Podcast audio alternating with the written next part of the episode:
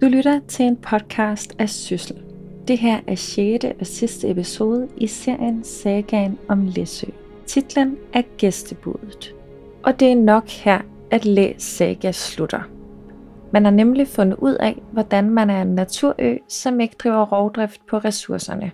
Og det skal du høre om i den her episode.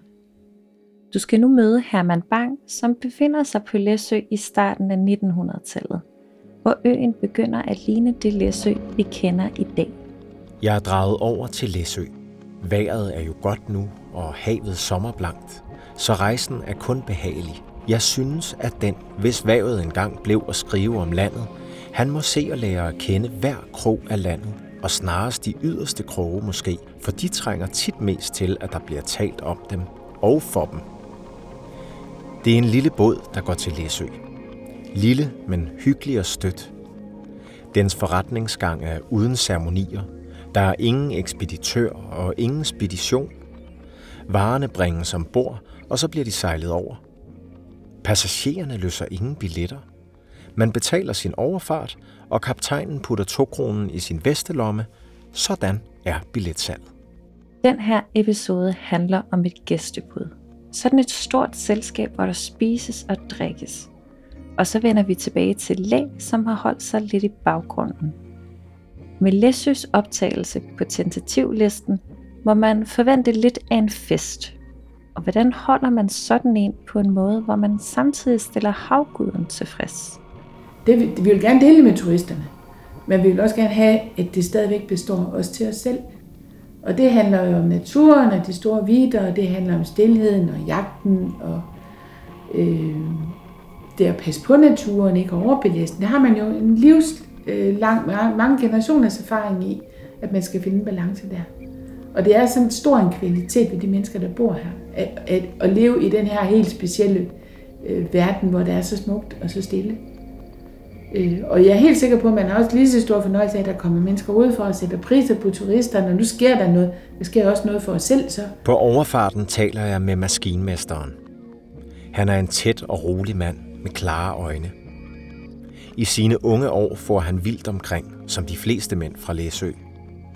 Han skulle engang have været maskinmester hos Vanderbilt. Men så blev man forlovet, og så blev man gift, og når man holder af sin kone, bliver man helst hjemme. Han ser med sine kloge øjne ud over det sommerlige hav. Og Læsø, siger han, det er paradis på jorden. Nu skimter man øen. Nu kommer den nærmere. Så nøgent maskinmesterens paradis er. En række huse bag den lille havn. Og ellers sand og lyng. Så, så tror jeg alligevel, at øh, vi er lidt dobbelte, øh, fordi jeg er i hvert fald selv sådan det tænker, jeg vil rigtig gerne udbrede det her til nogle flere mennesker, fordi det er så fantastisk, som jeg gerne vil dele det. Så øh, i løbet af få år, så har vi faktisk fået 20 tankhus og kulturmiljø, og der kommer mange mennesker. De står også hjemme med mig ude på vejen og tager billeder af mig, når jeg står inde og vasker op.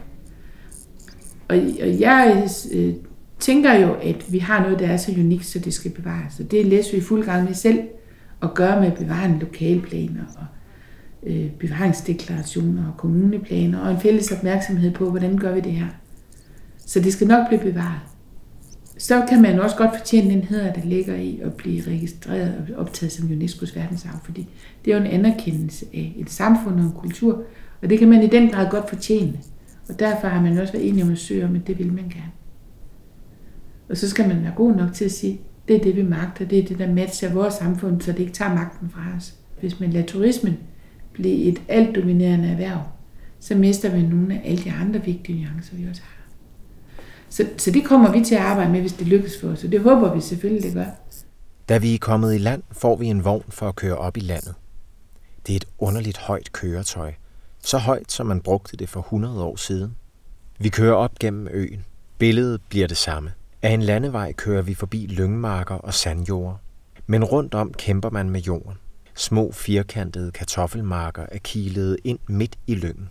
De hårdføre planter strider for livet i den golde jord og med blæsten. Hårdere endnu strider de plantede buske. Vestenvinden sved dem af, og de rækker på ræd alle sammen de forvildede grene mod øst. Her er det bedst vej at fange rod, og bittert er det at bære løv.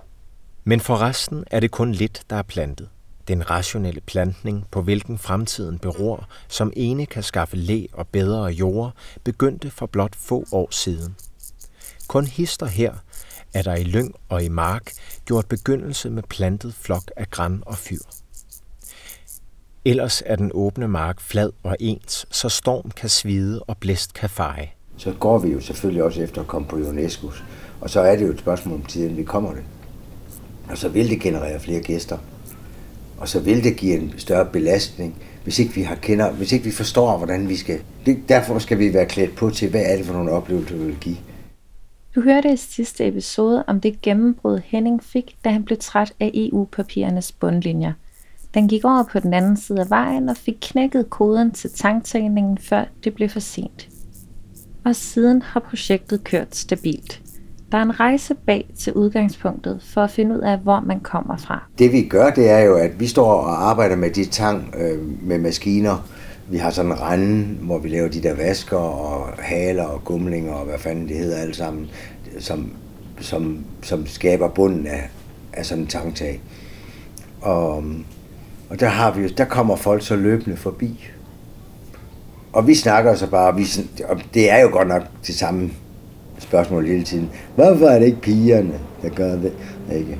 Og man må så fortælle dem, at en boss larmer mindre end 40 piger.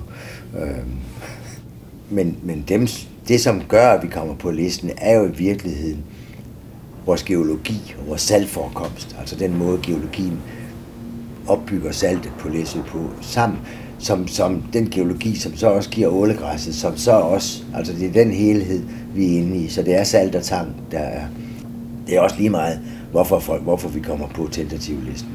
For vi skal lige hjælpe sig med at, at komme videre med det.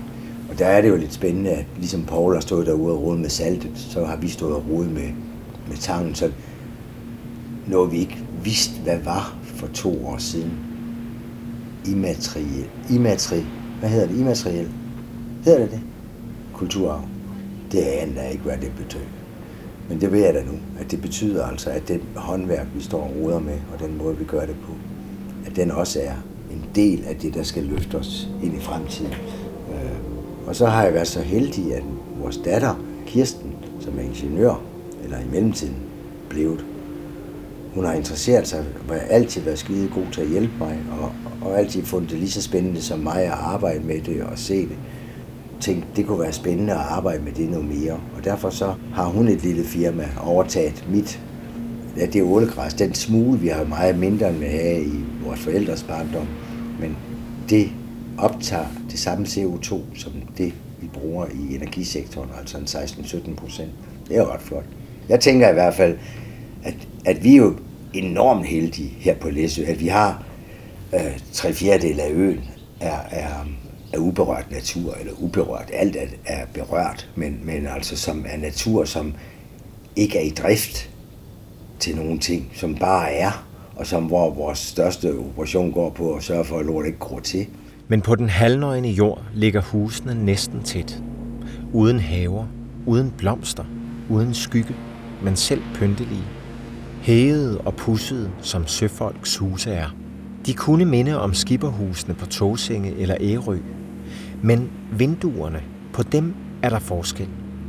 De er så små på Læsø, så små som jeg så dem i et par elgamle huse i Randers, der allerede rummede Holbergs mennesker. Se det tag, råber min ledsager, og han peger frem mod en gård. Gården er tækket med tang, en størknet tangmasse, der vælger ud over murene og ligner stivnet lava.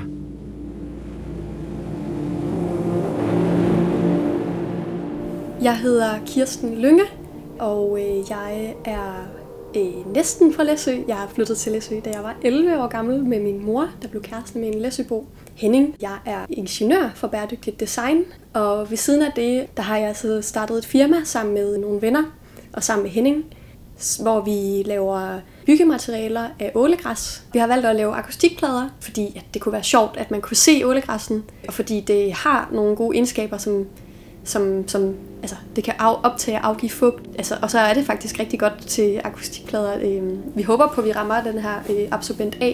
Det, det tyder det på, at vi godt kan.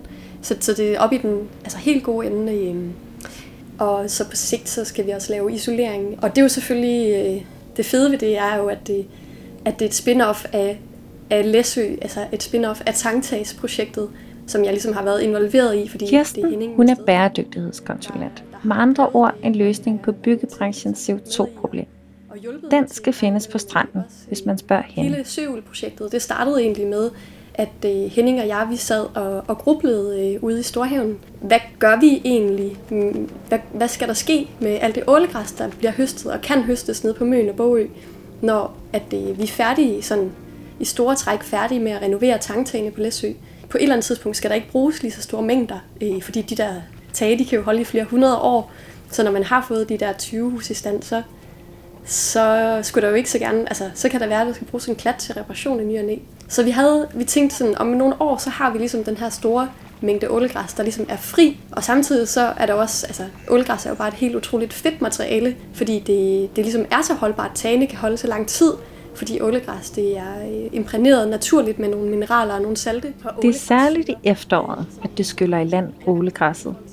Det meste forarbejde gøres af regnen af solen, inden det skal presses til ålegræsballer til markedets eneste kunde, Henning Valmose Johansen. Indtil en anden spiller kommer på banen, nemlig Kirsten og tre andre, der står bag firmaet Søvl. og, og lavet nogle forsøg der. Og nu går vi på markedet. Øh, Søvl akustikplader. Øh, det er super spændende. Det er jo et øh, materiale, som har været, det har faktisk også været brugt til isolering i, i gamle dage, hvor man tog noget ålegræs, enten og stoppet ind i en mur, som det er, eller hvor man syede det ind imellem to lag pap. Jeg har sådan igennem en uddannelse og sådan gennem et netværk begyndt at interessere mig mere og mere for byggebranchen, hvor, hvor ubæredygtig den er på nogle punkter. Så, så det kunne være rigtig sjovt at sådan kombinere det her, øh, det her materiale og den her historie fra min, fra min ø. En udfordring, der er i byggebranchen omkring, at, at de byggematerialer, vi bruger i dag, de udleder virkelig meget CO2. Altså Danmark er jo et land, hvor vi, hvor vi har bygget med mineraler. Altså vi har bygget med cement, øh, vi kender cementfabrikken fra Aalborg, ikke også? Øh, vi har bygget med mineralul. Nu har vi jo ikke så mange øh, sten i Danmark til at lave mineralul, men, men vi, har ligesom, vi har det her mineralbaserede regime øh, inden for byggeri, hvor de andre lande bygger man jo meget mere biobaseret, hvilket er en ret god idé, når man tænker sådan, altså CO2-mæssigt, som vi skal til i gang med i høj grad. Ja, så vi har jo et materiale, som optager CO2, når det gror, hvis vi så kan putte det ind i bygninger, hvor det kan holde i rigtig lang tid, så har vi jo et lille CO2-lager der.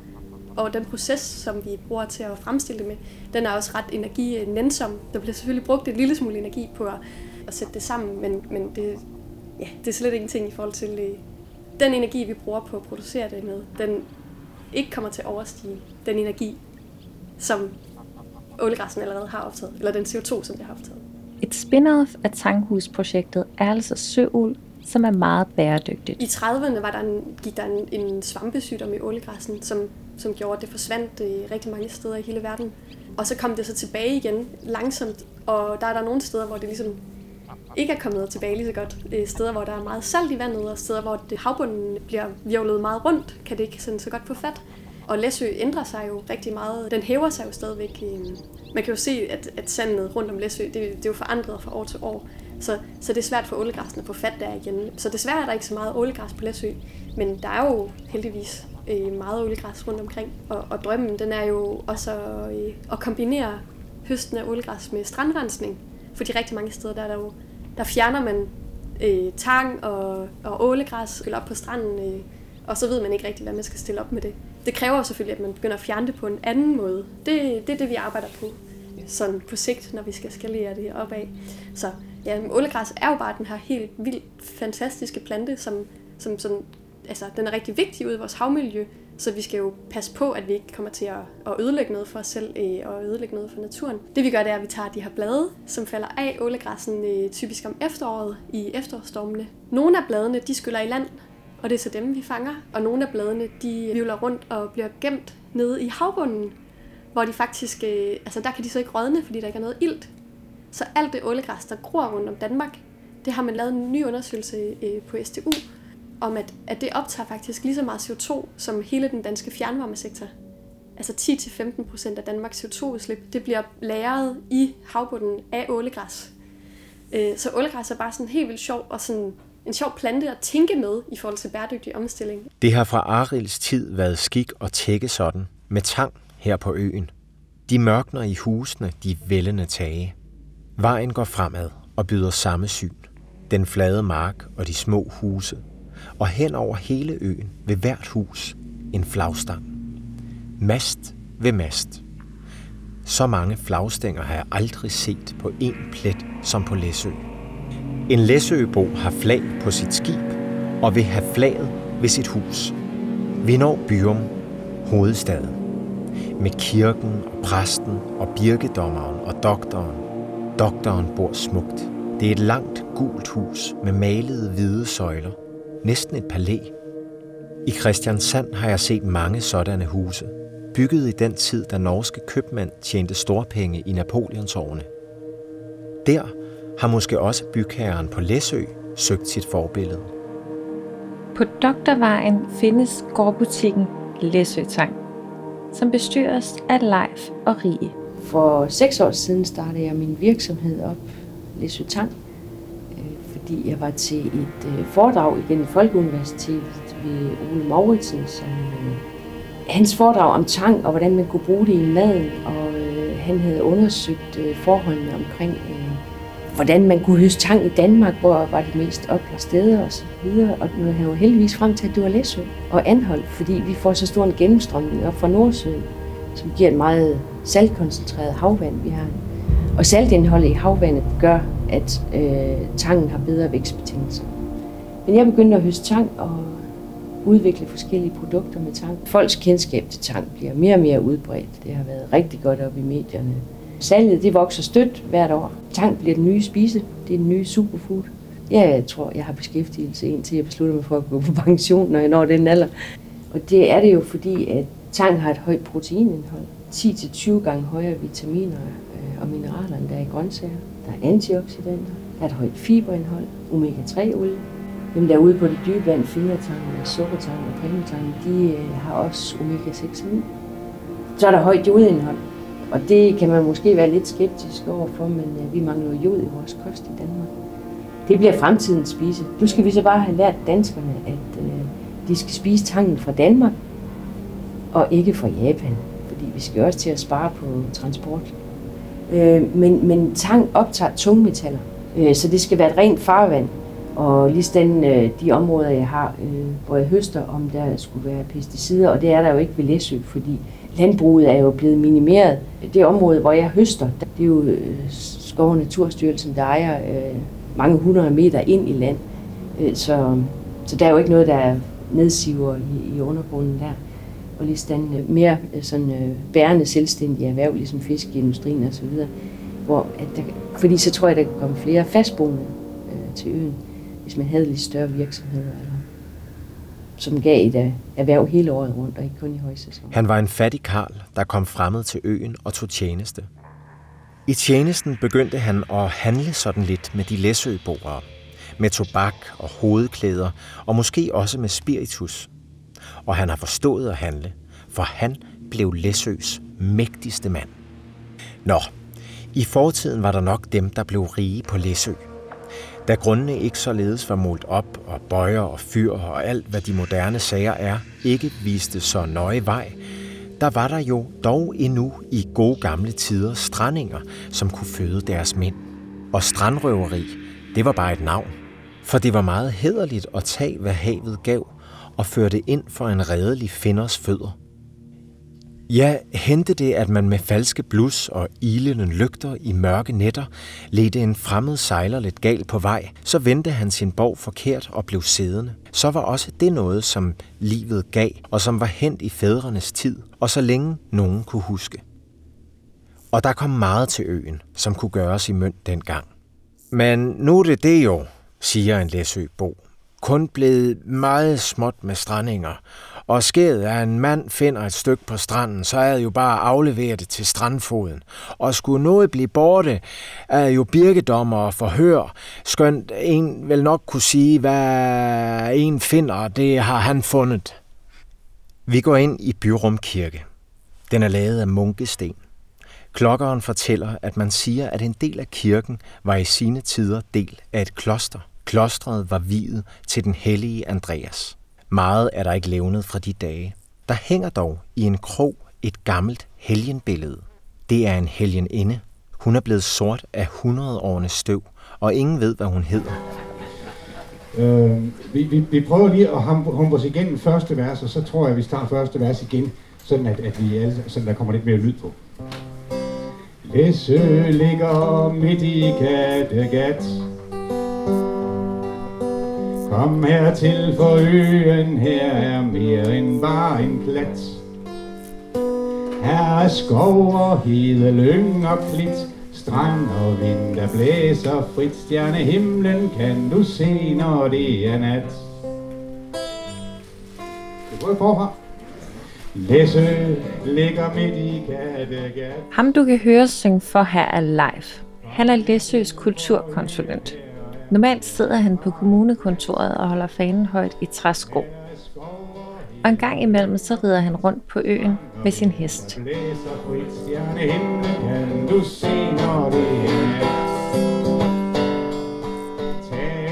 Mm, jeg hedder Leif. Jeg hedder Leif Ladefod.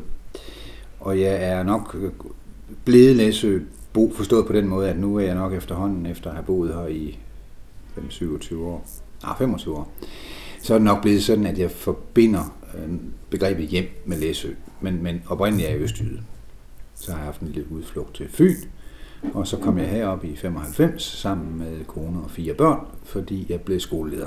Og i forbindelse med kommunalreformen i 2007, så øh, byttede jeg den rolle som skoleleder ud med at blive administrator, forstået på den måde, at, at øh, kulturområdet skulle have et løft, mente man, og så øh, hvor øh, specielt arbejdet omkring tangtagene, arbejdet med at få Læsø godkendt til at komme på den øh, altså Kulturministeriets tentativliste. Det er jo sådan nogle af de ting, jeg virkelig synes er, er spændende.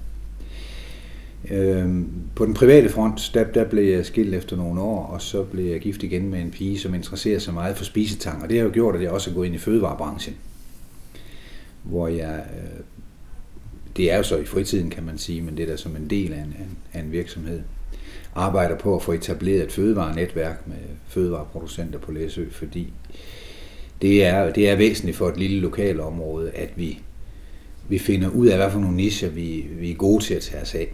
Og, og vi har altså nogle, nogle produktionsforhold og nogle muligheder. På alderet ligger der en gammel bibel. Den er slået op på profeten Esajas. Sådan har den altid ligget, siger klokkeren. De byrompræster bliver ved profeten Esajas. Kirkegården er lidt fattig at se. Lidt i læ bag kirken skygger et par træer. Ellers svider stormen både buske og blomster mellem trækorsene. Imellem de mange kors ligger nu og da en af de store udhugne granitsten, der dækkede klosterkirkegulvet hjemme i Horsens, og hvor under præster og borgmestre allerede havde sovet i hundrede af år. Her er de gravsten nyere. Man lå dem komme her fra Norge helt op til vores oldeforældres tid. Man ville dækkes forsvarligt og efter elgammel sæd i sin grav på Læsø. Her står alting længe. Der ligger kroen, lige over for kirken. Jeg tror aldrig, jeg så så lav en længe, eller så små ruder eller rum, så sodet mørke. Dette hus kunne Holberg have kendt, og her kunne Jakob Skomager have skænket for Jeppe. Men der har nok været en tid, hvor her ikke var en kro, for de elgamle døre er udskåret og forsiret, ligesom den dejlige fløjdør i billiardsalen på Bangsbo. Foran kroen ligger krohaven. Græsset er højt og træerne lave, men midt i husets tangtag vokser her i tangen en røn. Midt i byen har Læsøboerne deres anlæg. Træerne er mandshøje og svejer over de sandede gange. Midt i anlægget har man tænkt, der burde lægges en dam, men vandet har ikke vil løbe til, og det er blevet ved et lille sandfyldt hul. Jeg står og tænker på, at mellem disse halvvæsne stokke fejrer disse mennesker vel deres fest øh, – grundlovsfest og kongens fødselsdag, når alle flagene vejer hen over markerne. Og der kommer fem hornister herover fra Frederikshavn og spiller, og byomfolket går lavmælte, for folk er meget lavmælte her på Læsø, rundt i de sandede gange. Det siges om Læ, at han overlevede i læseboernes sindelag.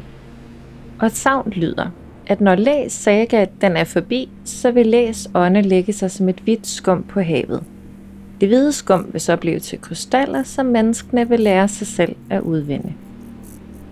Faktisk så er Læsø resultatet af en gigantisk naturkatastrofe i slutningen af ishavets tid, der på få dage får Østersøens overflade til at sænke sig hele 25 meter. Her opstår et stort fastland, som nu er dækket af Kattegat. Havet begynder nogle tusinde år senere at stige igen, og landområdet omkring det Læsø, vi kender i dag, svinder kraftigt ind. Dengang har øens højeste punkter ligget 3 meter under havoverfladen. Altså det vi ved, det er jo kun fra 8 kilder. Vi har 8 kilder, og der er en filosof på Læsø, Hans Kohlstad, som har undersøgt sagen og fundet ud af, hvem var havjætten Hlær. Han har den der norrøne og Hlærs øje, at han er havjætte, og han kommer fra Østerleden, Finland, og han er søn af den der store konge, jættekonge, der hed Fornjot. Og at han var skikkelig og havde forstand på vind og vand, altså kunne styre hav og især vindene. Og grunden til, at Odin henter ham til Læsø, er jo, at alle vikingerne, som er søfarende, de klager over, at de strander på Læsø i de efterårs- og vinterstorme, og de kommer hjem fra togterne. Så han bliver altså hentet med som en bevidst indsats af Odin. Og så indgår de en pagt til en aftale om, at han skal have guld for at styre vind og vejr i Kattegat. Og det gør han fra østen på øen, hvor han bygger en stor, stor hal, og hvor han står på land. Og så har han sin kone, Ran, og sine øh, ni døtre, som er beskrevet som noget af det smukkeste, øh, man har set i den norrøne litteratur. Og de er alle sammen til søs, og de udgør strøm, bølger, alt det, der sker ude på havet, når de pisker med deres lange lyse hår, så kommer der skum på bølgerne. Så han er egentlig i virkeligheden en, en, en lidt mindre betydelig person end de der kvinder, altså 10 kvinder bestående af Ran, som er den uhyggelige af dem, og som sanker guld. For han får guld, fordi han elsker guld. Så sømanden skal bære en guldring i venstre øre, og den skal de ofre for at få medbør rundt Læsø. Og så er der jo også det der med, at Læsø var læ for skibsflåder, der skulle til England eller til Norge. De lå i læ under Læsø. Så om det er lær, fordi øen ligger på et fundament af ler, og nogen siger, at han boede nede i læret. Altså, det er sådan set lige meget, for det er alt sammen de samme naturkræfter, han repræsenterer, fordi jætterne var naturkræfter i den norrøne litteratur. Og det er Snorri Sturlason, der sidder på, først på Island og opsuger alle de her fortællinger, og så er han lidt uvenner med dem, og så tager han til Bergen i Norge, og så sidder han der i 1230'erne, begyndelsen af 30'erne, og skriver disse historier. Og det er jo dengang, hvor vi har overgangen fra vikingetid til kristentid, vi får de der spændinger. Så det er også en hyldest til kvinderne, fordi blandt guderne i Asgård, der er kvindemagt jo lige så stor som, som, som mandsmagt. Det kan godt være, at vi synes i dag, at vi hører mest om Thor og Odin og Tyr og så videre, men det er ikke rigtigt. Når man læser det, så kan man se, at kvinderne, og det er jo Frik den kloge, det er jo Sif den smukke, det er jo Freja, den, der er symbol på frugtbarhed og så videre. De er der alle sammen. De er til fest på Læsø. Det er den største gæstgiver situation, der nogensinde er beskrevet ved, at Tyr og Tor får et ølkar, en kedel bragt til Læsø så der kan laves et gæstebud, hvor man ikke kører tør for øl. Fordi havjatten også var brygger. Det kan I se på havskummet, når de står ind over kysterne. Og så har man det her gilde, hvor Loke han bryder gæstebudet. Og gæstebudet er det værste, man kan bryde. Og især hvis man så laver en, en, en handling, som, som meget tydeligt er et brud på et normer. Og det gør han ved at dræbe Fima Feng, som var kok, hushovmester på Læsø, øh, oplært af gamle ældre. Ud på natten efter det mest overdådige gæstebud, der bliver Loke jaloux, for det er jo egentlig ham, der står for festerne i Asgård, altså i Valhalla op hos Odin. Og øh, også det her med, at han er et verdensmenneske. Det er jo fordi vikingerne kommer rundt nu og ser noget, men det gør man også på Læsø. Og det gæstebud, der laves på Læsø med de råvarer, vi har her, det, det er selvfølgelig mig, der fortsætter med at fortælle. Så det er altså et spørgsmål om at få præsenteret stærke kvinder, et gæstebud af respekt for et lokalt sted, Og så en viden om, at besejle Læsø, der skal man altså have myterne, fortællingerne med. Nordosten vind på Læsø er stadigvæk den slemmeste sejlads med Læsøfærgen. Ikke? En stor tak til Kirsten Lynge, Rie Ladefod, Paul Christensen, Lilian Christensen, Leif Ladefod, Henning Malmose Johansen. En særlig tak til Alexander Kleman, som du hørte dramatisere Herman Banks rejseskildring Læsø. Musik og lyddesign var af Nikolaj Skjold. Podcasten var indtalt og researchet af mig. Jeg hedder Sofie Sengraf. Og tak til dig, der lyttede med. Vi kører forbi nye gårde. Hister her har folk rejst nogle høje plankeværk. Plankeværkerne er dække for et par guldregn eller et par syrener. Højere og højere bygger de plankeværket for at værne deres træ. Et eneste træ eller to stakkels træer. Hvor de guldregn fylder deres liv. Nu knuppes, nu bryder de, nu folder de sig ud, og deres gule klaser tælles. I fjor var der 16 blomsterduske, men i forfjor, husker I, var der 19. Men der var det nu også så lindt vejr varet i forfjor. Men mens jeg kører, tænker jeg på, hvad der virkelig vil forandre Læsø. Det er plantning. Plantning af læbælter, af græn, af fyr. Plantning ved hvert et hus og hver en gård. Hver Læsøbo, der kom hjem fra en lykkelig færd over havet, han burde gøre det for sin øs skyld. Han burde gøre det for sit lands skyld, af hvilket hver eneste krog er et led. Og fyr og græn vil kæmpe deres møjsomme strid og ændre øen, mens flaget smelter fra alle de ranke stænger. Da vi vender hjem til havnen, er det aften. Hvert vindpust er død hen. Havet sover. Tavse sidder skiberne og drejer deres tommelfingre uden for deres huse. Jeg står ved mit vindue. Et par måger kredser endnu over vandet. Inde i naboens hus spiller en dame Con l'amour Mør, på et gammelt klaver.